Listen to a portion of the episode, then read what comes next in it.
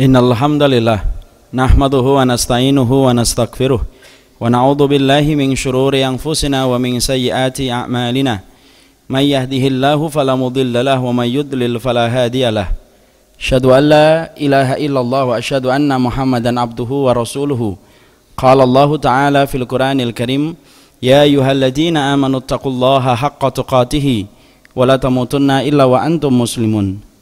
وقال يا أيها الناس اتقوا ربكم الذي خلقكم من نفس واحدة وخلق منها زوجها وبث منهما رجالا كثيرا ونساء واتقوا الله الذي تساءلون به والأرحم إن الله كان عليكم رقيبا وقال يا أيها الذين آمنوا اتقوا الله وقولوا قولا سديدا يصلح لكم أعمالكم ويغفر لكم ذنوبكم ومن يطع الله ورسوله فقد فاز فوزا عظيما. أما بعد فإن أصدق الحديث كتاب الله وخير الهدي هدي محمد صلى الله عليه وسلم وشر الأمور محدثاتها فإن كل محدثة بدعة وكل بدعة ضلالة وكل ضلالة في النار Jamaah salat Jumat yang semoga Allah rahmati dan Allah berkahi.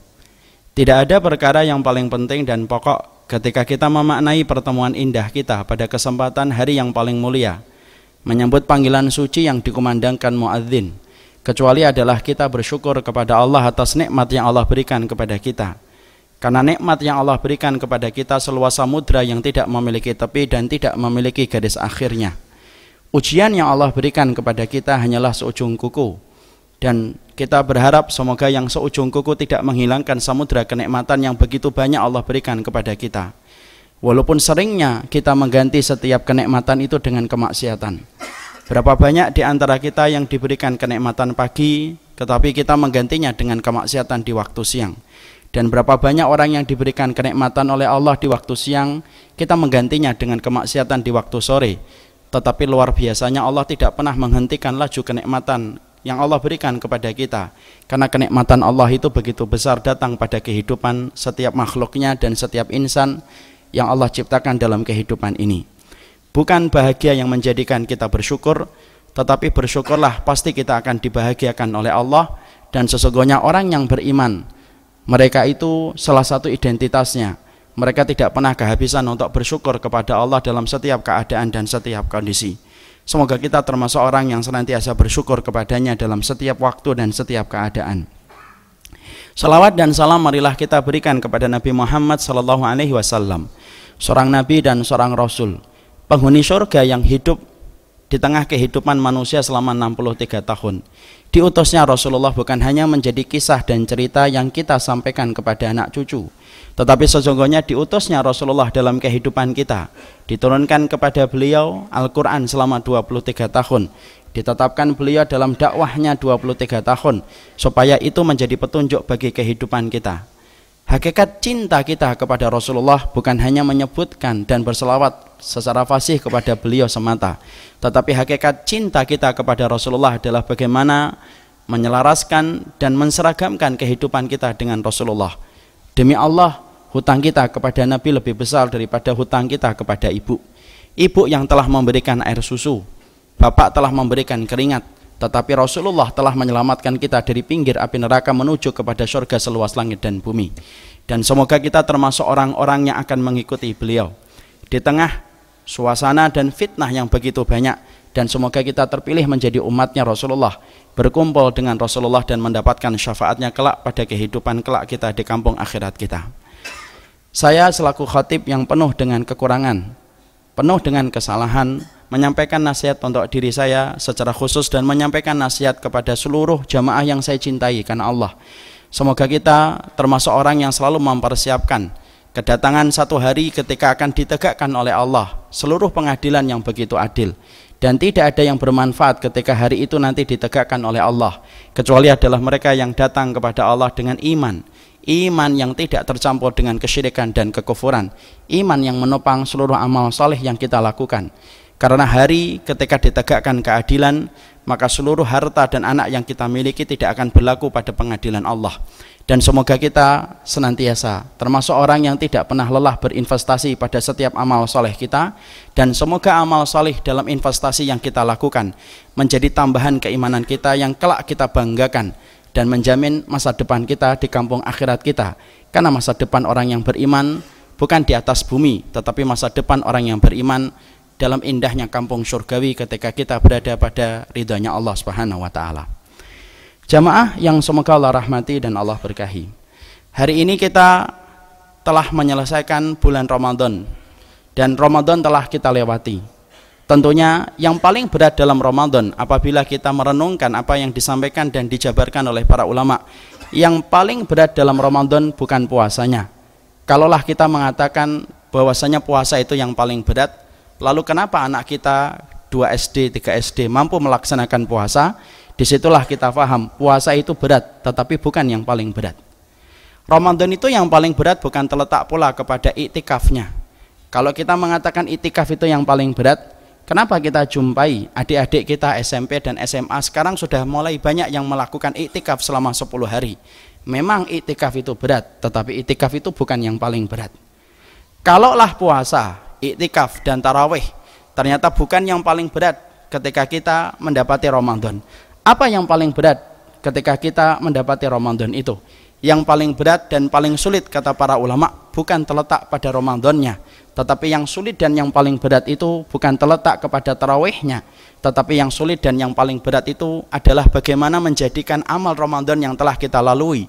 Dengan susah payah dan keletihan dalam setiap ibadah yang telah kita lakukan dicatat oleh malaikat rokib dibawa ke langit dan dilaporkan kepada Allah pada hari Senin dan Kamis karena Senin dan Kamis itu hari dilaporkannya amal kita kepada Allah dan dijadikan amal itu diterima oleh Allah dan disimpan di sisinya untuk menjadi kebahagiaan kita di akhirat itulah yang paling berat karena tidak setiap amal itu langsung diterima oleh Allah.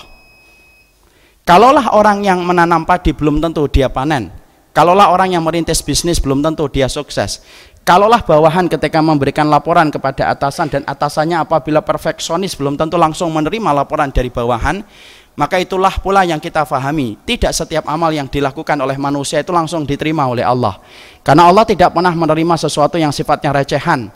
Recehan ini yang saya maksudkan bukan amal yang kecil, tetapi recehan itu adalah amal yang dikerjakan dengan sepenah, amalan yang dikerjakan dengan setengah hati. Karena menjadikan amal yang diterima oleh Allah itu bukan sesuatu yang gampang dan bukan sesuatu yang ringan. Perhatikan Habil dan Qabil ketika mereka dua-duanya bersedekah. Allah tidak terima dari Qabil dan Allah terima dari Habil untuk menunjukkan kepada kita demi Allah walaupun sering kita mendapati tulisan-tulisan ketika kita di bulan Syawal merayakan kemenangan dan merayakan hari fitrah tapi kita akhirnya faham bahwasanya ketika kita menyelesaikan Ramadan tidak ada satu jaminan dan tidak ada satu garansi bahwasanya amal kita telah diterima oleh Allah karena sungguh orang yang beramal belum tentu dicatat oleh malaikat rokib.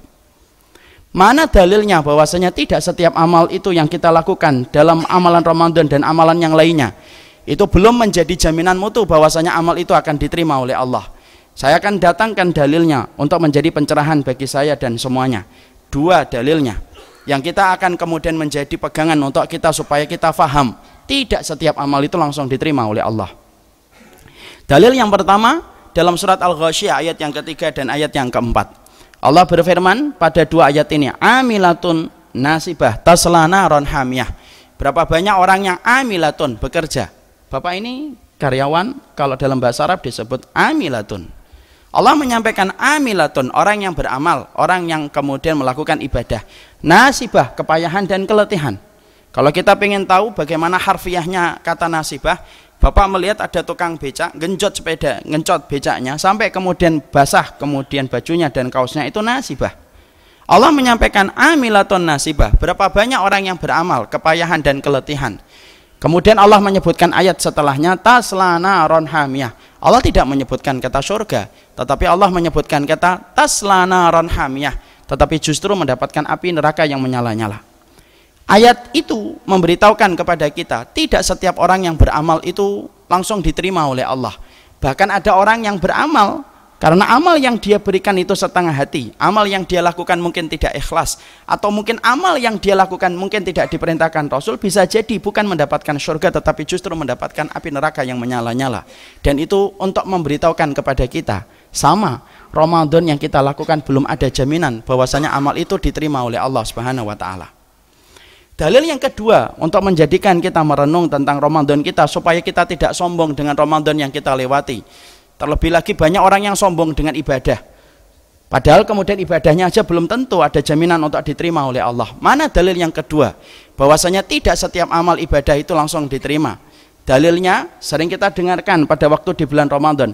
Ketika para mubalik sering mengatakan dalam satu hadis yang cukup terkenal yang sering diucapkan di mimbar-mimbar khutbah.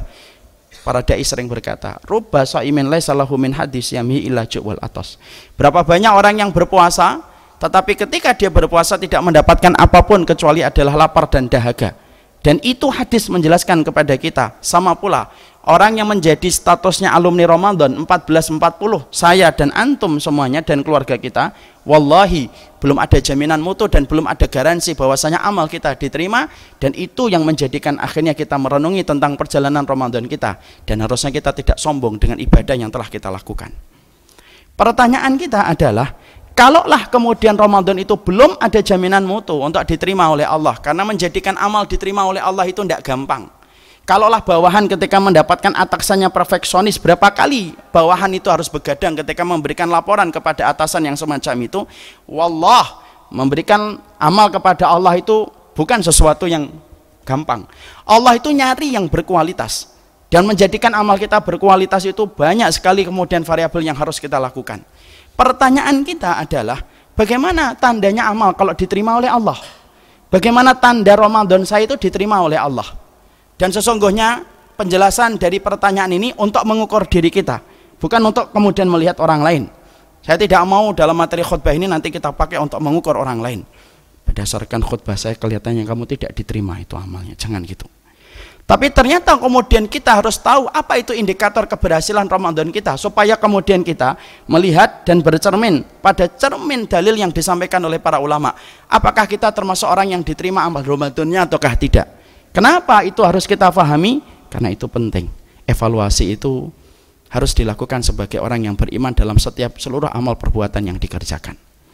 Para ulama lalu kemudian mengatakan kepada kita, Imam Ibn Rajab Al-Hambali dalam kitabnya Lataiful Ma'arif lalu menjelaskan kepada kita amal kalau kemudian diterima oleh Allah maka ada tiga perkara yang Allah berikan kepada orang yang apabila Ramadannya mereka diterima oleh Allah. Tiga perkara ini tidak Allah pernah berikan kepada mereka yang status Ramadannya itu gagal. Status tiga perkara ini tidak pernah Allah berikan kepada mereka yang status Ramadannya itu setengah hati. Dan tiga perkara ini tidak pernah Allah berikan kepada mereka yang status Ramadannya itu adalah setengah jiwa tetapi Allah memberikan tiga perkara ini kepada mereka yang status Ramadannya itu sukses dan sepenuh hati ketika melaksanakan Ramadannya. Lalu apa saja tanda amal itu apabila Ramadan kita diterima? Maka Imam Rajab kemudian berkata yang pertama, jazaul hasanati al hasanatu ba'daha. Tanda amal apabila kemudian dicatat oleh malaikat rakib, Tanda amal apabila kemudian dilaporkan kepada Allah pada hari Senin dan Kamis dan Allah menerima amal yang dilakukan saya ataupun Bapak ataupun kita ketika amal itu kemudian diterima oleh Allah kata Imam Ibnu Rajab akan dijadikan dia setelah amalnya itu diterima dijadikan lebih baik daripada amal sebelumnya. Maaf, kita ambilkan analogi. Kalau kita ingin tahu umrahnya seseorang itu diterima oleh Allah ataukah tidak, gampang. Perhatikan setelah umrah, jangan dilihat ketika umrah karena setiap kita kemudian mendapati orang umrah semuanya pasti semangat. Atmosfernya Mekah dan Madinah itu atmosfer ketaatan. Tapi kalau kita ingin melihat umrahnya diri kita itu diterima oleh Allah ataukah tidak gampang. Perhatikan setelah dia pulang dari Mekah dan Madinah kembali ke Bintaro ataupun ke Bekasi. Siapa pun yang kemudian habis pulang umrah, yang asalnya tidak nutup aurat, kemudian dia nutup aurat. Yang asalnya tidak pernah datang ke kajian, kemudian dia datang ke kajian. Yang asalnya kemudian kasar dia berkata kepada orang yang beriman, kemudian dia lembut ketika berkata kepada orang yang beriman. Yang asalnya tidak pernah peduli tentang kondisi orang tuanya, lalu kemudian empati dan peduli terhadap orang tuanya. Terjadi perubahan-perubahan nyata setelah dia melaksanakan perjalanan umrah orang yang dijadikan grafiknya meningkat dalam ibadah berarti umrahnya itu diterima oleh Allah dan dijadikan orang yang diterima amal ibadahnya bukan ditambahkan atau dikurangi harta tapi kalau Allah sudah ridho kepada amal kita dan amal kita semuanya maka Allah itu akan menjadikan orang itu diputar balikkan untuk melakukan kebaikan yang lebih besar daripada sebelumnya karena maaf Pak Makkah dan Madinah itu bukan hanya tempat Mekah dan Madinah itu pola hidup. Siapa pun yang pola hidupnya kayak di Mekah dan Madinah walaupun dia di Bekasi, umrahnya diterima. Siapa pun yang pola hidupnya kayak di Mekah dan Madinah bangun sebelum subuh. Kalau adzan dia datang, kalau komat dia lari. Dan kalau ketinggalan sholat dia nyesel. Itu pola hidup. Siapa pun yang pola hidupnya itu kayak Mekah dan Madinah walaupun dia berada di Bintaro, berarti umrahnya diterima. Sama dengan Ramadan kita. Saya, Ramadannya Bapak. Kalau kemudian kita pengen tahu apakah Ramadan kita diterima oleh Allah ataukah tidak, gampang. Bagaimana kita memperhatikan Ramadan kita dan bagaimana amal kita setelah Ramadan itu selesai. Kalau kita ketika di bulan Ramadan mampu untuk sholat malam, ketika kita Ramadan akhirnya diringankan untuk kita datang ke masjid. Kalau Ramadan dimudahkan untuk nutup aurat, ya wajar. Namanya Ramadan itu atmosfer ketaatannya itu beda dengan bulan yang lainnya. Wong TV yang tidak pernah soli aja soli kalau di bulan Ramadan kok.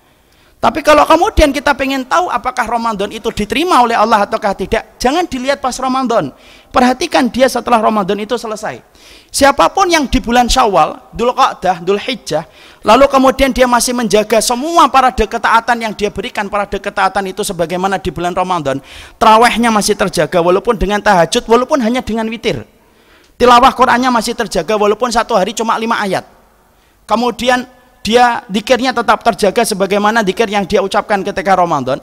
Lalu kemudian datang ke masjidnya tetap sama dia datang ke masjid. Karena Rob yang dia sembah di bulan Ramadan itu sama dengan Rob yang dia sembah di bulan Syawal. Tuhan yang dia sembah di bulan Ramadan itu sama dengan Tuhan yang dia sembah di bulan Syawal Dhul Qa'dah, Dhul Hijjah tidak ada bedanya. Dan dia tetap akhirnya melakukan kebaikan itu. Bahkan arahnya menuju kepada lebih baik berarti Ramadannya diterima dan itu menjadi kebahagiaan kita kalau kemudian kita mendapati diri kita semacam itu. Maaf Ramadan itu bukan bulan dan bukan waktu. Ramadan itu pola hidup pak. Hidupnya bangun jam 3 kita tidak merasa berat. Sahur kemudian kita makan pagi diajukan jam 4 setengah 4 kita tidak protes. Capek-capek dari kantor kita sholat terawih kita kemudian tidak pernah protes. Itu pola hidupnya orang mukmin itu maka siapa pun itu yang kemudian ternyata pola hidupnya itu Ramadan walaupun dia di bulan Syawal, pola hidupnya Ramadan walaupun dia di bulan Dhul Qa'dah, pola hidupnya itu adalah Ramadan walaupun dia di bulan Dhul Hijjah, maka Ramadannya itu dicatat oleh malaikat rokib membuka pintu langit dan ketika kemarin kita Idul Fitri hari Rabu, hari Kamisnya dilaporkan itu kepada Allah, diterima oleh Allah dan Allah kalau sudah ridho kepada amalan saya dan amalannya Bapak, Makanya Allah lakukan itu apa? Allah putar balikkan kita untuk kemudian menuju kepada kebaikan yang lebih besar setelahnya. Sebaliknya kata Ibnu Rajab, wa jazaa'u sayyi'ati as-sayyi'atu ba'daha. Sebaliknya, setiap keburukan itu akan menimbulkan keburukan setelahnya. Siapa pun setelah ditinggalkan Ramadan, terawihnya tidak pernah dia kerjakan, tahajudnya dia tinggalkan, bahkan witir satu rakaat pun tidak pernah dia kerjakan. Dia menjadi bangkai di tengah malam sebagaimana bangkainya dia sebelum Ramadan, tidak pernah tilawah dia baca kembali, masjid tidak pernah kemudian didatangi kembali. Maka kata Ibnu Rajab, siapa pun yang amalannya itu terjun bebas kepada keburukan setelah kebaikan, maka itu tanda Ramadannya tidak berkualitas di sisi Allah dan Allah biarkan dia jatuh dalam kerusakan setelahnya. Untuk kita Pak, untuk semuanya. Bukan untuk nilai orang lain. Itu yang pertama. Mana dalilnya Ustaz? Allah menyampaikan fa'am fa'amma man a'ta wattaqa wa saddaqa bil. Allah berfirman dalam surat Al-Lail barang siapa yang sedekah wattaqa dia bertakwa Wasaddaqa bil husna membenarkan janjinya surga. Lihat kalau Allah itu menerima amal. Allah menyampaikan fasanu yassiruhu lil yusra. Kami mudahkan dia dalam jalan kebaikan. Kami mudahkan dia datang ke masjid. Kami mudahkan dia bangun malam. Kami mudahkan tilawah Quran. Kami mudahkan untuk aurat. Kami mudahkan lembut dia kepada orang yang beriman. Kami mudahkan dia lembut ketika ngomong sama orang tuanya. Dan tidak ada yang memudahkan itu kecuali Allah. Kenapa? Yang menggenggam hatinya saya dan Bapak adalah Allah Subhanahu wa taala. Dan itulah dalil kalau amal Ramadan kita diterima. Yang kedua, Imam Rajab melanjutkan, amalan Ramadan kalau diterima oleh Allah dijadikan orang yang diterima amal Ramadannya itu berada pada ketakutan. Dia tidak jadi sombong, Pak. Tapi justru dia merasa rendah dan merasa rendah. Orang itu kalau diterima amalnya, justru dijadikan hatinya takut dan resah, memikirkan amalnya. Kalau dia sudah resah memikirkan amalnya, ketika amalnya diterima orang yang resah memikirkan amal satu dia tidak akan sombong di hadapan orang lain. Dua dia tidak akan sempat mikirin ibadahnya orang lain. Dan yang ketiga menjadikan dia nanti tidak hanya cukup dengan yang wajib tetapi akan menambahnya yang sunnah. Mana dalilnya kalau orang yang diterima amalnya itu dijadikan hatinya gelisah Ustadz dan ketakutan. Allah yang menyampaikan di atas arasnya. Allah berfirman, "Walladzina yu'tuna ma ataw wa qulubuhum wajillatun annahum ila rabbihim rajiun." Orang yang sedekah itu hatinya ketakutan kalau mereka kembali kepada Allah. Ayat ini ketika dibaca pertama kali sama Ibunda Aisyah, ayah Bunda Aisyah itu sempat bingung. Kok ada orang sedekah malah hatinya ketakutan? Nanya kepada suaminya tercinta, "Wahai Rasulullah, kenapa ayat ini surat Al-Mu'minun 60 orang yang sedekah malah hatinya ketakutan?" Harusnya logiknya, logisnya orang yang habis sedekah itu kemudian tenang. Jangan-jangan orang yang sedekah pada ayat ini habis berzina ya Rasulullah. Perhatikan jawaban Nabi dalam riwayat Tirmidzi. La. Ya binti Siddiq haula illadina yusalluna wa yasumuna wa yatasaddaquna wa yakhafuna ala yataqabbala minhum. Kemudian jawaban Nabi, sesungguhnya orang yang dimaksudkan oleh Allah pada ayat ini orang yang banyak sholatnya, banyak puasanya, banyak sodakonya dan diterima oleh Allah dan semakin diterima maka semakin dia resah dan gelisah memikirkan amal. Setiap dia resah memikirkan amal, dia tidak hanya mencukupkan yang wajib tapi menambahnya yang sunnah. Setiap resah dia dengan amalnya, dia tidak akan pernah punya keinginan untuk sombong di hadapan orang dan memandang orang itu semuanya jelek. Kalau dia resah dengan amalnya, maka dia tidak akan kemudian letih untuk melakukan kebaikan dan yang pasti dia tidak akan pernah berbangga dengan amal yang telah dia kerjakan. Pak, maaf, orang kalau diterima amalnya itu justru semakin merunduk, Pak. Perhatikan sahabat yang dijamin surga. Tidak ada yang sombong ketika dijamin surga itu. Tidak ada sahabat yang petantang petenteng ketika dijamin surga mengatakan kalian itu penduduk neraka, sayalah penduduk surga.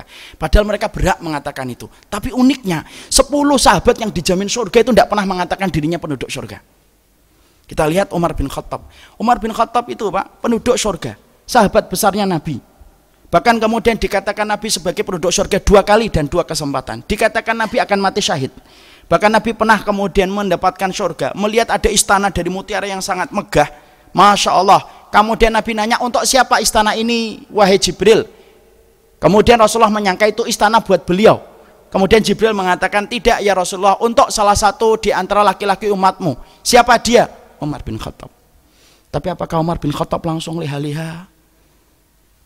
Langsung kemudian nyantai? Langsung sombong? Mungkin kalau kita, Pak, yang dikatakan kamu penduduk surga, mungkin setelah itu kita cuti kali beramal. Kamu nggak sholat Jumat, maaf saya penduduk surga. Mungkin kalau kita. Tapi ternyata Umar bin Khattab radhiyallahu anhu ketika ditetapkan sebagai penduduk surga, justru malah banyak tangisannya dan banyak sekali kemudian ketakutan dia kepada Allah setelah Nabi menjamin dia penduduk surga berkali-kali. Makanya sampai saya membaca dalam kitab Sifatus Sofa Ibnul Jauzi, ternyata Umar bin Khattab itu orangnya gede, tinggi, besar, tapi ada yang unik dalam fisiknya Umar bin Khattab. Di pipinya Umar bin Khattab itu ada garis menghitam, Pak. Dari bawah matanya sampai ke dagunya. Ibnu Jauzi rahimahullah taala mengatakan, "Kenapa di pipinya Umar bin Khattab ada garis menghitam itu di pipinya?" Beliau menjawab, "Likasratil buka min khasyatillah." Karena banyaknya nangis seorang Umar bin Khattab itu tangisannya sampai megas di pipi. Orang yang dijamin surga malah kemudian banyak nangis dan tidak pernah pede dengan amalnya. Makanya kita bayangkan, anak bayangkan ketika membaca itu, Masya Allah, sebanyak apa kuantitas air mata dan sebanyak apa kualitas air mata sampai membekas di pipi Pak. Kita ini pipi kita kalau hitam itu biasanya apa? Matahari. Biasanya kemudian jerawat batu yang tidak sembuh.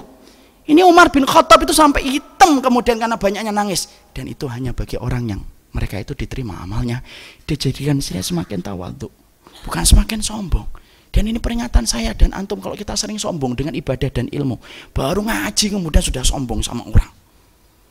Dan ini yang kedua. Makanya orang kalau diterima amal Ramadannya, setiap dia ikut Ramadannya ditanya sama istrinya, "Pak, gimana Ramadan kamu kemarin?" Saya tidak pede dengan Ramadannya. Kalau dia tidak pede dengan Ramadannya, dia menambahnya dengan puasa-puasa sunnah. Dia menambahnya dengan syawal. Dia menambahnya dengan puasa Senin, Kamis, dan lainnya. Kenapa?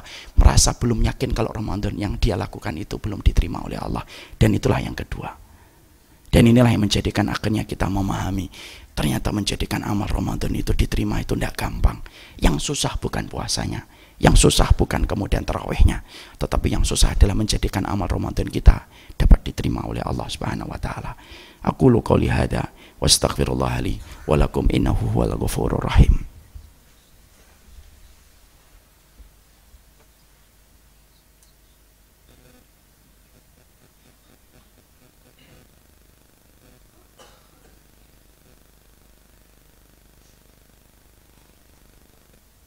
Innalhamdulillah wassalatu wassalamu ala rasulillah wa ala alihi wa sahbihi wa man tabi'ahum bi ihsan ila yaumil qiyamah.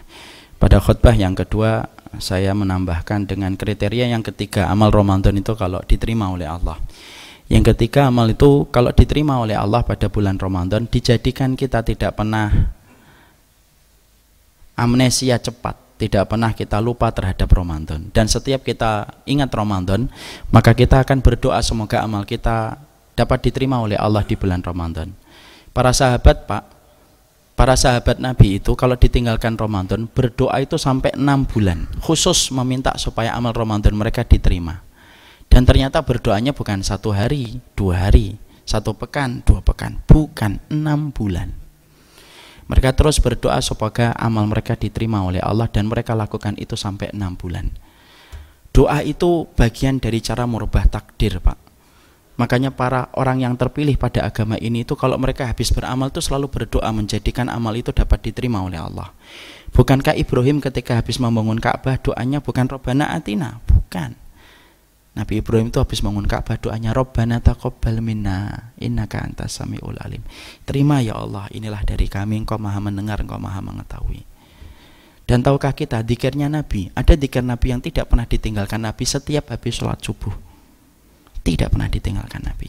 Apa dikirnya Nabi ketika habis sholat subuh yang tidak pernah ditinggalkan Nabi? Robbana atina Ustaz? Bukan. Tapi doa yang paling dirutinkan Nabi setiap hari adalah Allahumma inni as'aluka ilman nafian wa rizqan thayyiban wa amalan mutaqabbala. Menjadikan amal itu dapat diterima sampai mereka itu memperkaya langit dengan mereka berdoa. Hasan Al-Basri itu Pak berkata, berdoa itu kayak mengetuk pintu langit Pak dan analoginya adalah orang yang rajin mengetok pintu adalah orang yang paling besar dibukakan pintu. Kalau kita ngetok pintu sekali bisa jadi tidak dibukakan karena orang sahibul baitnya belum mendengar suara kita. Dua kali mungkin belum mendengar, mungkin dia lagi baca WA dan pasang status. Tapi kalau kita tepuk terus-terusan, maka dia pasti akan dengar dan membukakan pintu. Doa itu ikhtiar membuka pintu langit supaya Allah mendengar apa yang kita sampaikan. Makanya Hasan Al-Basri itu berkata, berdoalah karena berdoa itu mengetuk langit dan siapa pun yang rajin mengetuk langit maka dia akan dibukakan pintunya oleh Allah.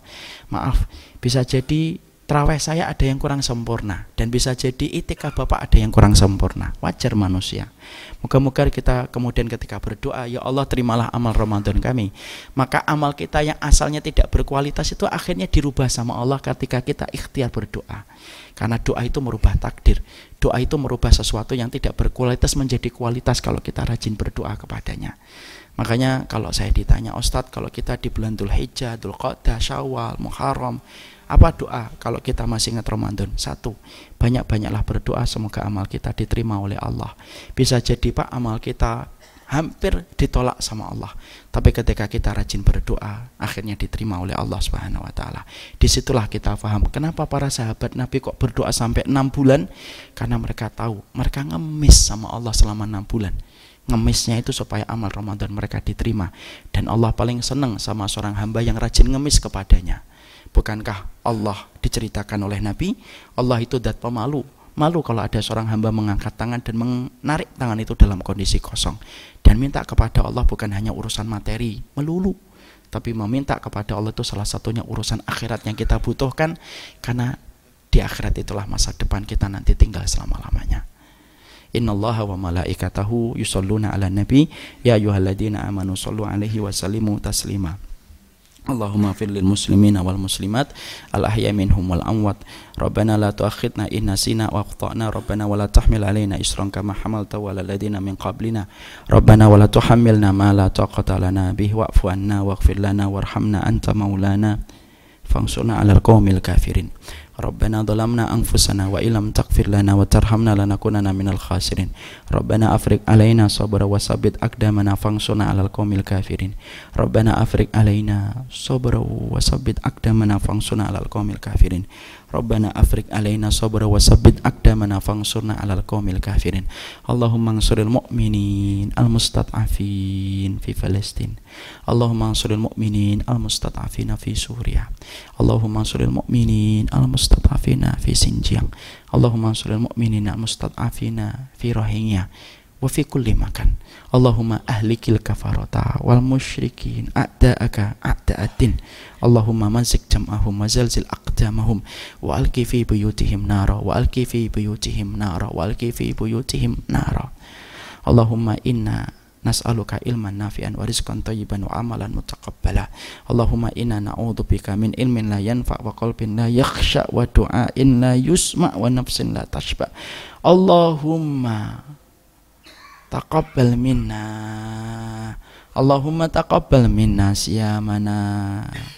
Wa ruku'ana wa sujudana wa i'tikafana wa kulla syai'in fi Ramadan. Allahumma taqabbal minna fi Ramadan. Allahumma taqabbal minna fi Ramadan. Allahumma taqabbal minna fi Ramadan. Wa sallallahu ala nabiyyina Muhammad walhamdulillahi rabbil alamin wa salamun alal mursalin. Alaikum